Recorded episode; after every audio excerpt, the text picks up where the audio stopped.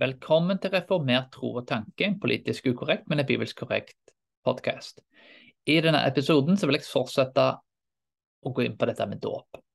Og jeg vil stille noen spørsmål og gi noen svar på ulike dåpsspørsmål. Spørsmål som jeg har funnet i ulik litteratur, så vel som spørsmål som jeg har møtt i hverdagen.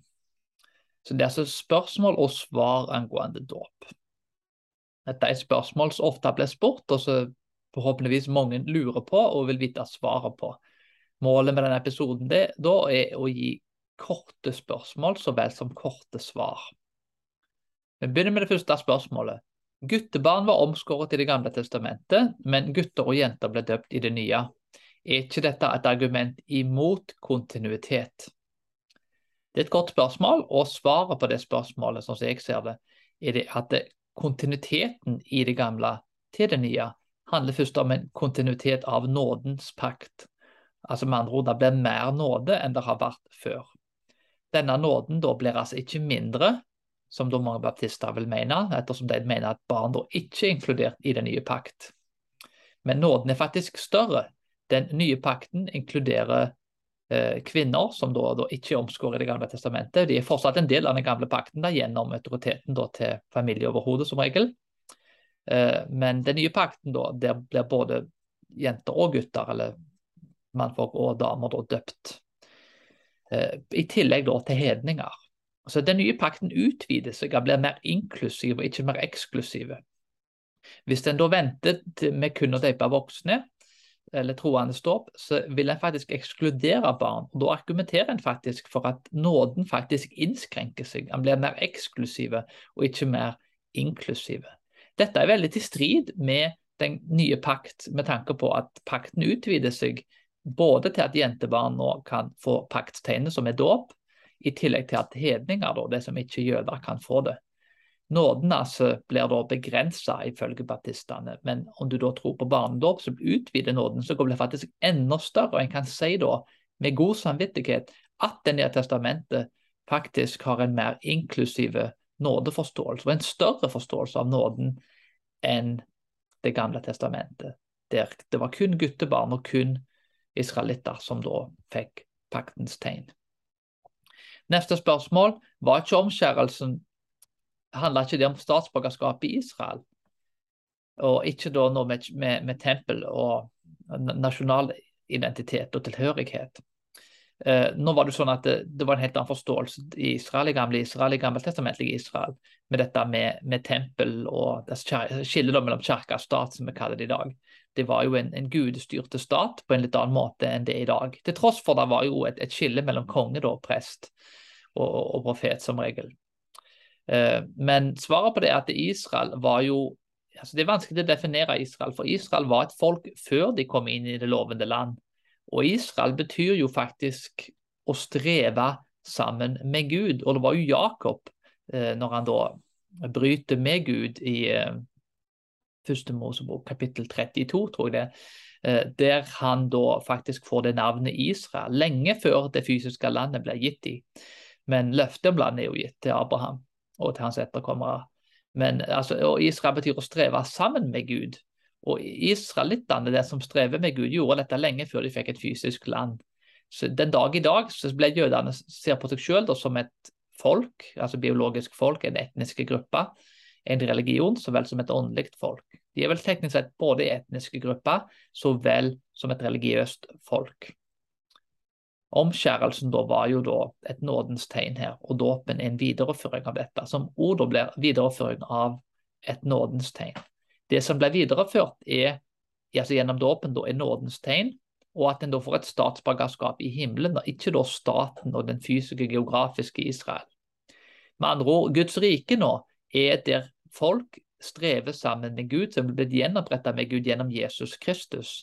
Så dermed da så er vi det nye Israel, fordi vi strever sammen med Gud. Det er det Israel betyr. Så da, Der Guds rike er, der, der det er flere da, som tilber Jesus sammen, der er han midt iblant oss. Og Det er jo nettopp dette i 1. Johannes 1,14 eh, at eh, ordet tok bolig, kom ned og tok bolig blant oss, faktisk, hvis du tar med referanse da, til Johannes 1,1. Så en referanse da, til Jesus som levde i all evighet med Faderen. Så Det er jo en interessant ting at, at ordet da kom ned og tok bolig blant oss. Og vi, vi strevde altså sammen med Gud. Altså blitt gjenoppretta med Jesus på samme måte som disiplene og folkene i Bibelen gjorde det samme, og de som levde med Jesus. Så igjen, det nye Israel og det nye statsborgerskapet i himmelen, det er Guds rike som er kalt til spre, da, som er langt forbi de, den geografiske Israel. Det er altså overalt. Vi vil at dette riket skal spre seg over hele verden, ikke bare i det fysiske Israel. Er barn automatisk frelst? Det neste spørsmålet. Nei. Et barn har løfte om frelse i dåpen, men det er bevisene av de åndelige fruktene i barnas liv senere som da beviser om et barn er frelst. Eh, det vil da si at eh, en kan jo aldri vite, altså en kan jo alltid falle fra teknisk sett. Men uh, en, en, antar at et barn er frelst inntil det motsatte er bevist. Det er ikke noen beviser på at noen har gått ifra troen, så antar en at en person da er kristen. Det må også være en bekjennende tro, men det må være et liv som viser at en person lever da, i en viss form for hellighet. Det betyr ikke at folk trenger å være perfekte, men, men det må være noe, da, noen åndelige frukter som tilsvarer da, at det en bekjenner, faktisk er noe som en faktisk følger. Neste spørsmål. Bør jeg praktisere spedbarns nattverd sammen med spedbarnsdåp? Spedbarnsdåp da er ja, kan vel gjerne være, være en, en uh, sorry, uh, spedbarns nattverd og dåp. Da vil jo være uh, ja, et barn da som kanskje er under seks måneder, som jeg tenker iallfall. Eller kanskje under ett år gammel. Uh, Svaret på dette er at noen mener dette, og spedbarnsdåp da har vært unntaket heller enn regelen i reformert historie. Noen mener derimot at dette bør gjøres. Gud kommanderer spedbarn til å ta del i andre festivaler i Israel, men uh, vi finner ikke noe konkrete bud at barn må delta i påskemåltidet. Til tross for vi kan jo anta at barn, i alle fall når de var rundt et år gamle, kanskje til og med etter seks måneder, da var med i påskemåltid. Og, og ja, jeg vet ikke om de altså, hva de ville klare å spise i den alderen. Men Lukas 2,42 så viser det at Jesus er tolv år gammel. Han deltar på en festival da i tolvårsalderen. Men uh, det er nok ikke usannsynlig at barn da, eh, ja, kanskje rundt ett år, da, deltok i påskemåltidet.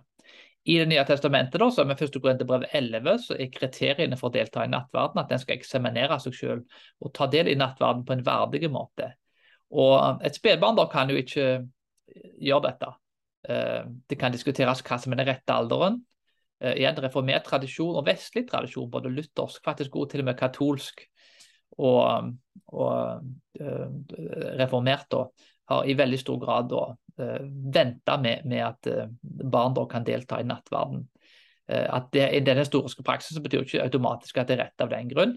Igjen, det er folk som mener ulike ting. Personlig mener jeg at en bør vente til en alder av i alle fall seks til elleve år før barnet da bør delta i nattverd. Mens det er andre som mener at en alder kanskje to til tre år kan også være en fungerende alder der dette blir praktisert. Og det er jo ikke da i bekjennelsen vår teknisk sett et sånn krystallklart svar på hvordan dette ble gjøres. Så vi, vi lar rett og slett folk komme til sine egne konklusjoner her og praktisere på, dette på den måten som de, de, er overbevist om. Eh, jeg vil derimot si da at, eh, at, at spedbarn, da, altså da ikke barn, dvs. Si da når de er seks måneder, jeg mener da at de ikke bør da delta da i nattverden. Men det er jo en veldig stor forskjell på et barn som er tre år.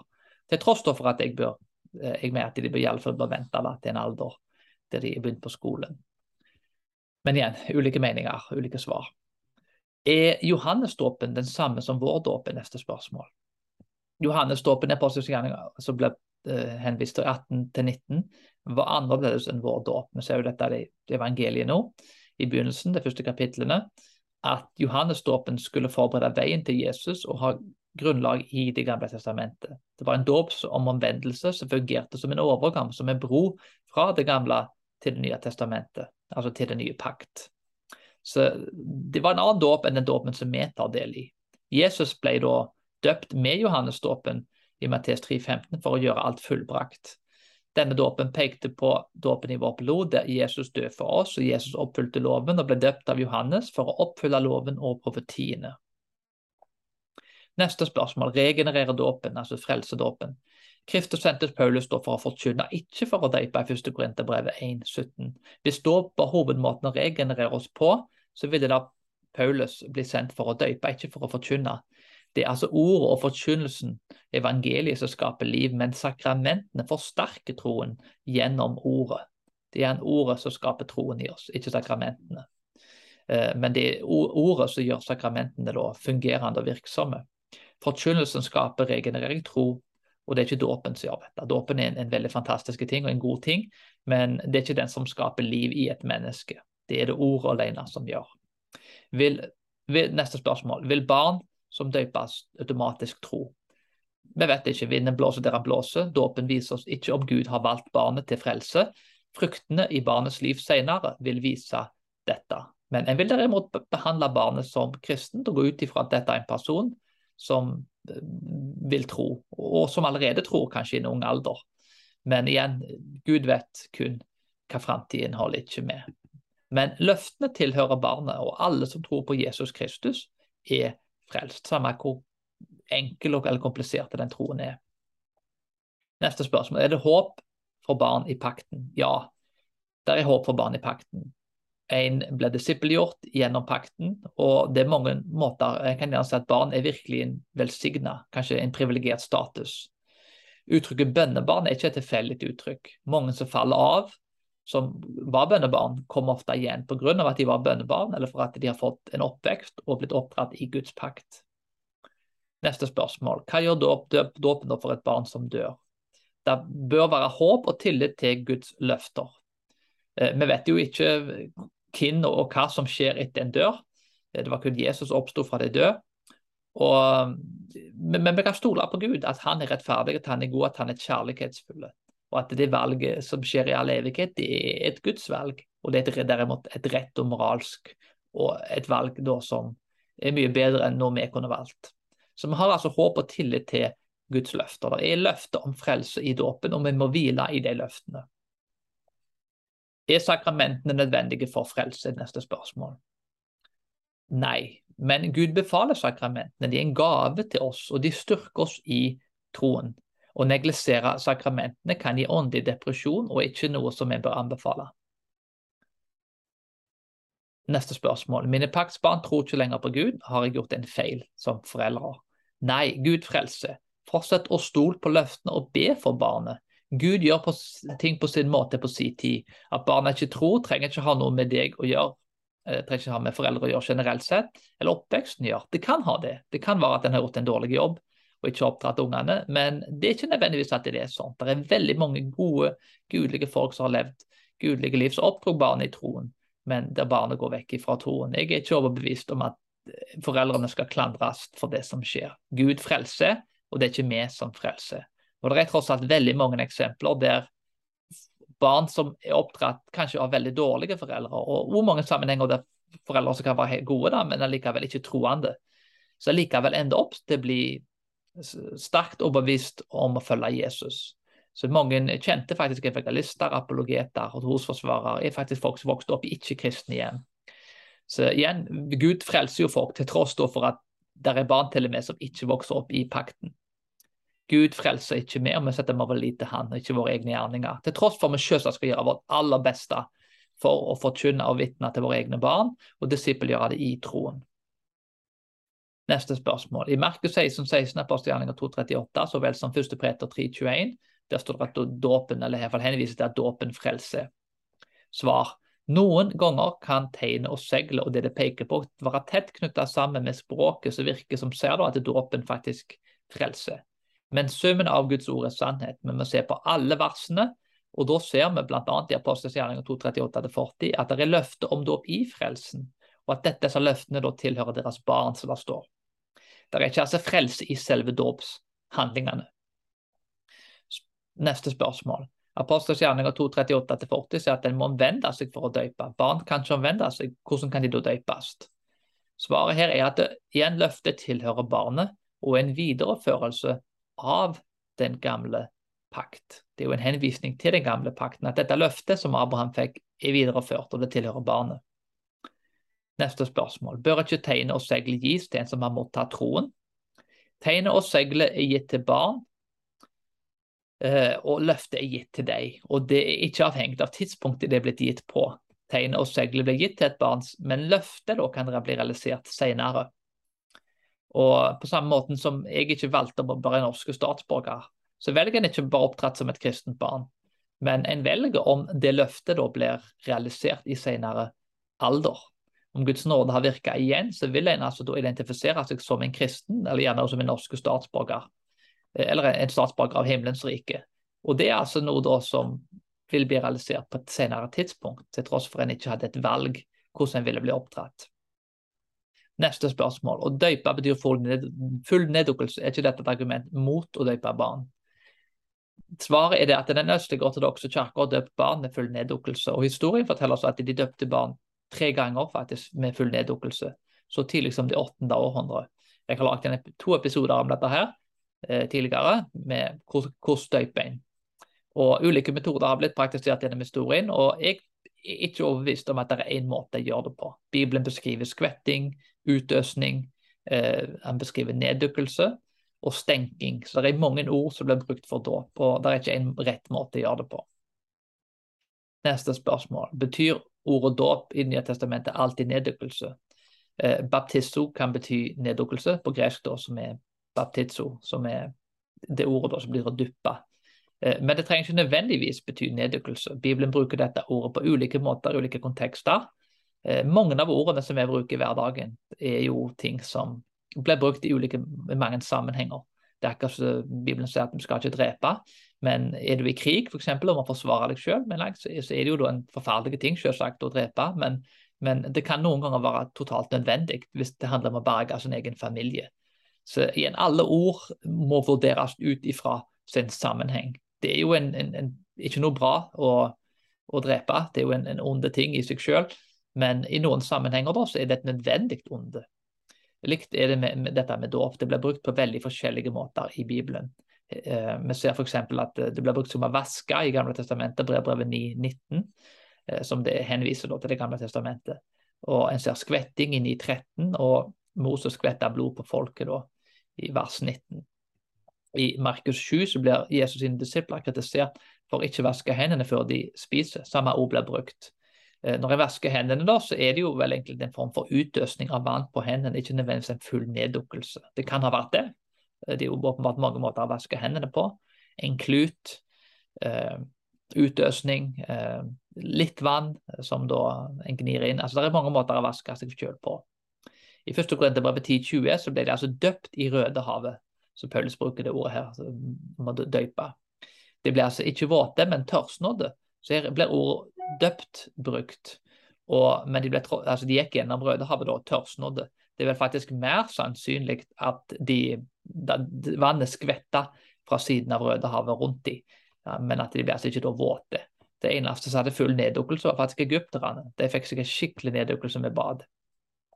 Er full neddukkelse godkjent? Ja, i reformert historie har vel dette vært mer enn et unntak eller regelen, og skvetting har vært mer vanlig. Men hvis en er overbevist om at en skal dukke seg helt ned, så er absolutt det en gyldig måte å gjøre det på. Eh, det er dette når en skal vaske seg. Altså Noen dusjer, noen bruker en klut, noen har halve kroppen i vann, noen øser vann utover seg. Det er mange måter å vaske seg på, både i Norge så vel som andre kulturer. Og det er mange måter å bli døpt på da, i forhold til måten, altså metoden da, som blir brukt for dette mengden med vann. Neste spørsmål. Hvorfor skvetting og utøsning? Åndene blir utøst, og utøsning og skvetting symboliserer dette. Vi ser øverste presten på forsoningsdagen som skvetter blod på Israels innerste kammer i 3. Mosebok 16. Og frelsen i dåpen da peker jo på dette. Neste spørsmål. Viser ikke Nye testamentet at folk går inn i vannet og blir døpt? Greske som blir brukt her, er eis, og det har mange meninger. Det kan bety inni, men det kan bety imot, inni, for eller iblant. Det blir brukt ulikt med ulike oversettelser. Eis blir oversatt uh, så, uh, som til sju ganger, da, altså at den går til noe. Uh, sju ganger i SV, i er apostelgjerninger åtte, i vers 3, 5, 6, 20 og 25. Neste spørsmål er det utopiske Hoffmann. Han viser jo at han ble fullt neddukt. Uh, ikke nødvendigvis. Han var i en ørken i apostelgjerninga 826. Å finne masse vann på en sånn plass er faktisk veldig usannsynlig. Det kan, det kan jo ha vært masse vann der, men det var jo åpenbart nok vann at han kunne gå ned i. Men det betyr ikke nødvendigvis at det var utrolig mye vann. Nøkken leser faktisk fra Jesaja, og Jesaja 52, 15, så bruker de ordet om å skvette eller å bestenke, som da ikke er en full neddukkelse. Det er den referansen som han faktisk leser fra i Jesaja. Han må ha lest store deler av Jesaja, satt seg grundig inn i denne boka. Og det er faktisk det ordet her som blir brukt om det med dåp. Eh, han gikk i vannet. Dette betyr ikke full neddukkelse. Det kan bety det, det kan godt være at det er det det betyr, men det kan bety at det kanskje halve kroppen var nede i vannet, og at han øste da vann på hodet, eller at han vaste seg da med å kaste vann, bruke hånda til, til, å vaske seg. Så det, det, det, det, er ikke noe eksklusive måte å, å se det på. Spør, for, for, folk spør da i forhold til dåpen, hva med Paulus? Paulus i gjerninger 9 vers 22 virker til å ha blitt døpt når han reiser seg opp. Kanskje gjennom skvetting eller utdøsning, eller kanskje med andre metoder. Vi vet ikke. Fengselsvokteren, hva med han? Eh, mange mener da at eh, fengselsvokteren forlater huset sitt midt på natten for å bli døpt med familie, til tross for at han kanskje til og med kunne miste jobben. til tross for det som skjedde. Og Det er veldig usannsynlig at han gikk ut midt på natten og var villig til å miste jobben, og kanskje til og med livet sitt, da, for det var jo farlig å ja, bli kristen på denne tida. Eh, det er vel mer sannsynlig at de gjorde det mer praktisk og fant en enklere måte å døype han på. Kanskje i huset rett etter med fengselet, eller finne ja, en praktisk enkel måte å gjøre det på. Eh, I Romerbrevet 6 så ser vi faktisk at eh, når en blir gravlagt med Kristus og står opp igjen med han, så, så er det altså mange sier at dette her da er, viser da at neddukkelse er den beste måten å gjøre dette på. at Derfor da så var fengselsvokteren hadde en full neddukkelse, så vel som de andre da som har blitt nevnt. Svaret her er det at Romerbrevet 6 har med identitet i Kristus å gjøre, ikke dåpsmodus. Det viser og symboliserer i vår fysiske gravlegging at det må legges i en grav, og ikke nødvendigvis en direkte oversettelse til hvordan dåpen bør praktiseres. Vi gravlegges altså under bakken når vi dør i Vesten, mens Jesus han gravlast i en håle med en stein på bakkenivå det er en svært viktig ting å huske på at hvis du har vært i Israel, og det er en plass der i Jerusalem så de mener da Jesus ble gravlagt. Om det var der eller ikke, det vet ikke jeg. De sier det, men jeg er ikke sikker på om det faktisk var der. Men uansett. Men hvis du går inn i den hula, så, så ser du faktisk at det er på bakkenivå. Dette er ikke ei hule som ligger langt, langt langt under bakken. Altså, De blir ikke gravd i vestlige graver, sånn som vi har. Så Når, når, når Bibelen snakker om gravlegging, så, så, er det faktisk ikke være under bakken. Eh, for mange. da. Det var ulike måter å gjøre det på der òg. Men eh, det er altså ikke være under bakken, men faktisk på bakkenivå. Så det å være gravlagt er egentlig mer et bilde og et tegn på dette å dø. Ikke nødvendigvis på at den er under bakken. Ikke oss er det jo det, men det var det ikke på Bibelens tid. Og Jesus ble etter all sannsynlighet ikke gravlagt under bakken. Neste spørsmål. Er paktståp av barn lik katolsk dåp? Den katolske eh, kirka lærer noe som heter ex operata. Ex opere operate, heter det vel. Det er altså at selve handlingen, dåpshandlingen, produserer regenerering.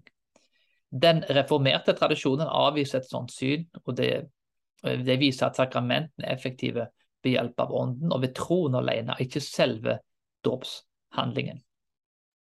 Nå bør en kreve tro av barn for å bli døpt, er neste spørsmål. Eh, det er veldig avhengig av barnet. Noen er tidligere enn andre. og Det er vanskelig å tro at et barn under 20 år bør ta sånne valg selv, men det er noen barn som er annerledes enn andre. Det, folk er veldig forskjellige der. Neste spørsmål. Hvorfor skal barn døpes inn i, synlige, i den synlige kirka når de kan vise seg at de ikke blir frelst, at de ikke er frelst? Reformert teologi skiller mellom synlig og usynlige kirker. Den synlige kirka er de bekjennende troende, alle deres barn. Det usynlige er det som er utvalgt, som ingen vet hvem er. Så i Det gamle testamentet så blir det ikke alle som bekjenner seg som israelitter, bevart i troen. Noen falt faktisk fra.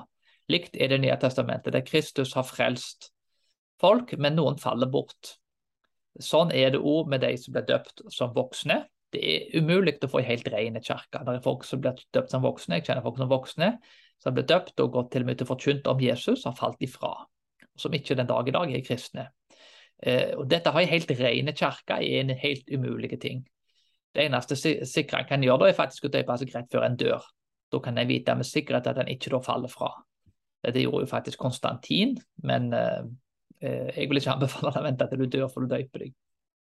I Matteus 13 så er det jo ugress og hvete skal vokse sammen, og Gud vil høste dette på dommens dag. Så vi, eh, altså Det er ikke vår oppgave å, å, å som sagt, eh, produsere ei 100 rene kirke, for det er ikke menneskelig mulig. Vi vil jo selvsagt ha ei rene kirke så godt som vi kan, men eh, det er altså Gud som skal dømme på dommens dag. Neste spørsmål. Skal eller bør barn døpes? Gud kommanderer barn å bli døpt, og ikke døpe barn er brudd på hans pakt. Neste spørsmål. Bør de som døpes katolsk, døpes opp igjen? Det har eksistert ulike meninger om dette i kirkehistorien. og Det står jo i Efeserbrevet 4-5 at det er én dåp.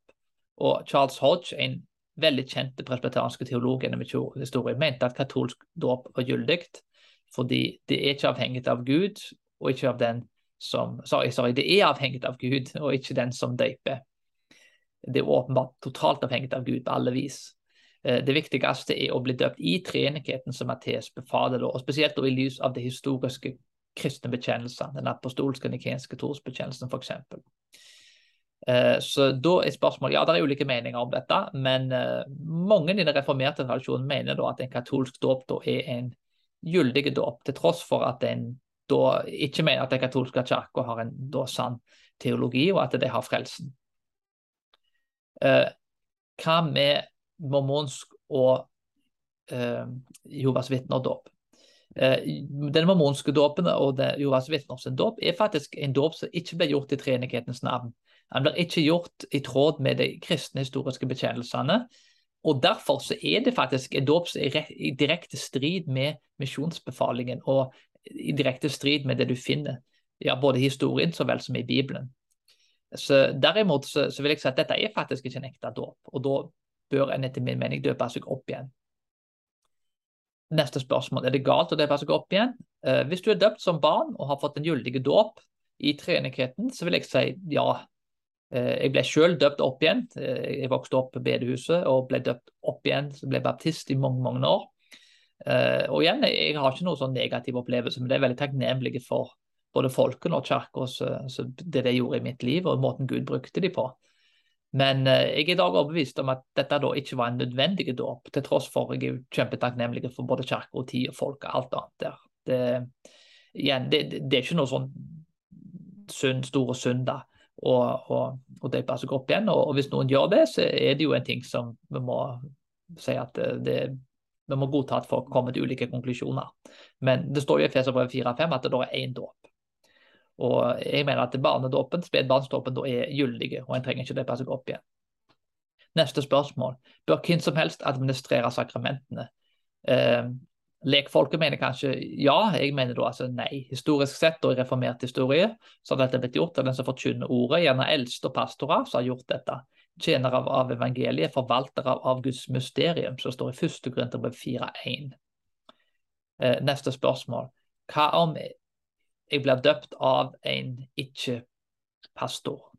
Eh, igjen, Dåpen er ikke avhengig av tittel og status, og dette er jo en gyldig dåp. Men uh, en bør jo ha en, en kirketeologi som er knytta til at en, uh, ja, en har en gjennomtenkt måte å gjøre det på. Da. men igjen, jeg vil jo anbefale at det blir gjort ordentlig, men samtidig så er det jo en gyldig dåp. Neste spørsmål. Hva om den som døpte, mister troen senere? Uh, Sorry, ja, des, altså det, dess, dess, hvis noen døpte meg og den personen mista troen, har det betydning for min dåp? Og svaret på det er nei. Dåpen er gyldig og uavhengig av dette, for det er Gud som fungerer i dåpen, og ikke personen. Neste spørsmål. Bør en forlate kirka som ikke praktiserer mitt dåpssyn? Dåpssyn er ikke irrelevant, men om du går inn i en sunn bibelske kirke, så trenger du ikke nødvendigvis bytte kirke. Hvis du mener at Gud har kalt deg til å være der, og hvis de forkynner Bibelen og ordet. La det derimot si altså at et dåpssyn er sterkt knytta mot teologi eh, og måten du forstår kirka på. Til og med barneteologi og forståelse, så vel som mange andre ting. Så det er ikke ubetydelig hva teologien har. Og om du finner en kirke som er like bibelsk og mer forenlig med det du tror i forhold til dåp, så kan det være lurt å bytte. Hvis du da finner selvsagt en kirke med samme kvalitet. Men igjen, folk er kalt til å være ulike plasser og gjøre ulike ting. Så dette er noe du må be om og, og, og studere. Eh, jeg vil derimot si da eh, at eh, for min del så, så, har jeg lenge vært i kirka tidligere, der jeg da var uenig med dåpssynet. Og jeg så egentlig aldri det på som et problem. Jeg var i presbeterianske kirker uten å være presbeterianer. Og jeg var en del av presbeterianske kirker da, uten å faktisk holde til barnedåp. Og uh, ja, det, det, det, var der Gud kalte meg til å på det tidspunktet. Jeg ble til slutt overbevist om at jeg forandra dåpssynet. Men uh, jeg, jeg, fikk mye ut av det, da, til tross for at jeg ikke delte dåpssynet på det tidspunktet. Og hadde jeg hatt funnet ei skikkelig god uh, baptistkirke som forkynte ordet, bedre enn ei, ei presbeteriansk kirke som da ikke var gudelige, så hadde jeg jo åpenbart valgt baptistkirke. Så igjen, det kommer helt an på. Men uh, aller best er det jo hvis en har ei sunn, god bibelske kirke, der du har den dåpsteologien så vel som teologien generelt sett som du er enig med. Det er jo idealet. Men en lever i en verden der en ikke alltid kan få alt en vil ha. Og det er ikke alltid det er sånne kirker tilgjengelig. Uh, neste spørsmål. Jeg er overbevist om barnedåp, men får ikke døpe barn i en baptistkirke. Bør jeg forlate kirka? Dette igjen er avhengig av hvilke alternativer du har. Det er mange spørsmål som er viktigere enn dåp. Eh, det kan godt være denne kirka har utrolig mye annet bra. Eh, har du bedre alternativer tilgjengelig, som er mer bibeltro? Eh, en annen ting er jo at det er veldig tungt å gå ut av et fellesskap som du har vært investert i kanskje i ti år. Og jeg har jo veldig stor sympati og forståelse at når du har vennekretsen og miljøet ditt der, så er det nok ikke en enkel ting å gå ut. Men igjen, hvis du har skikkelig gode alternativer, så er det jo en fin ting å kunne gå på en plass der en er enige teologisk.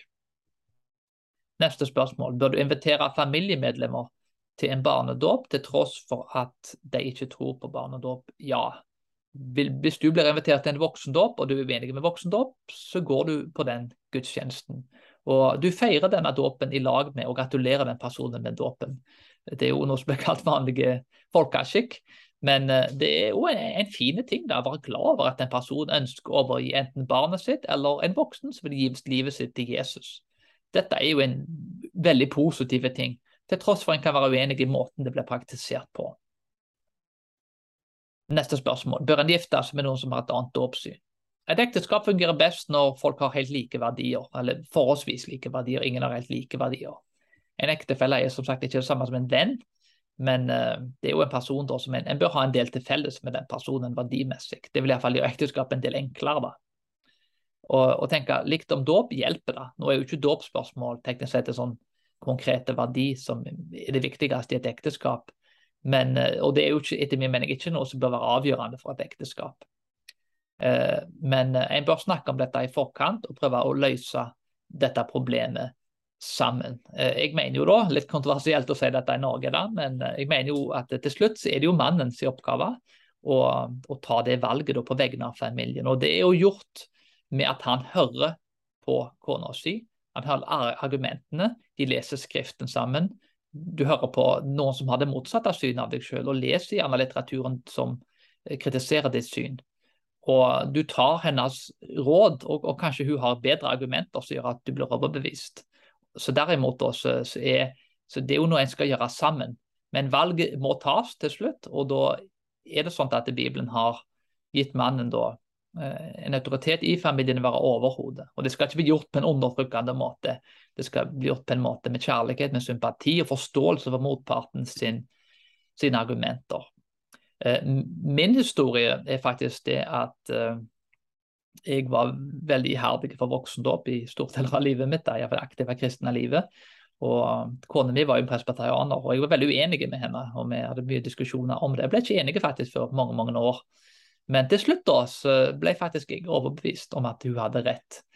Eh, jeg mente at hennes argumenter, så vel som de andre sine argumenter Jeg traff på mange store teologer og, som da utfordra meg på dåpssynet. Og jeg ble overbevist om at jeg hadde tatt feil tidligere. Så det var et eksempel der jeg faktisk var overbevist om at hun faktisk hadde rett, og jeg tok feil. Og jeg forandra faktisk dåpssyn.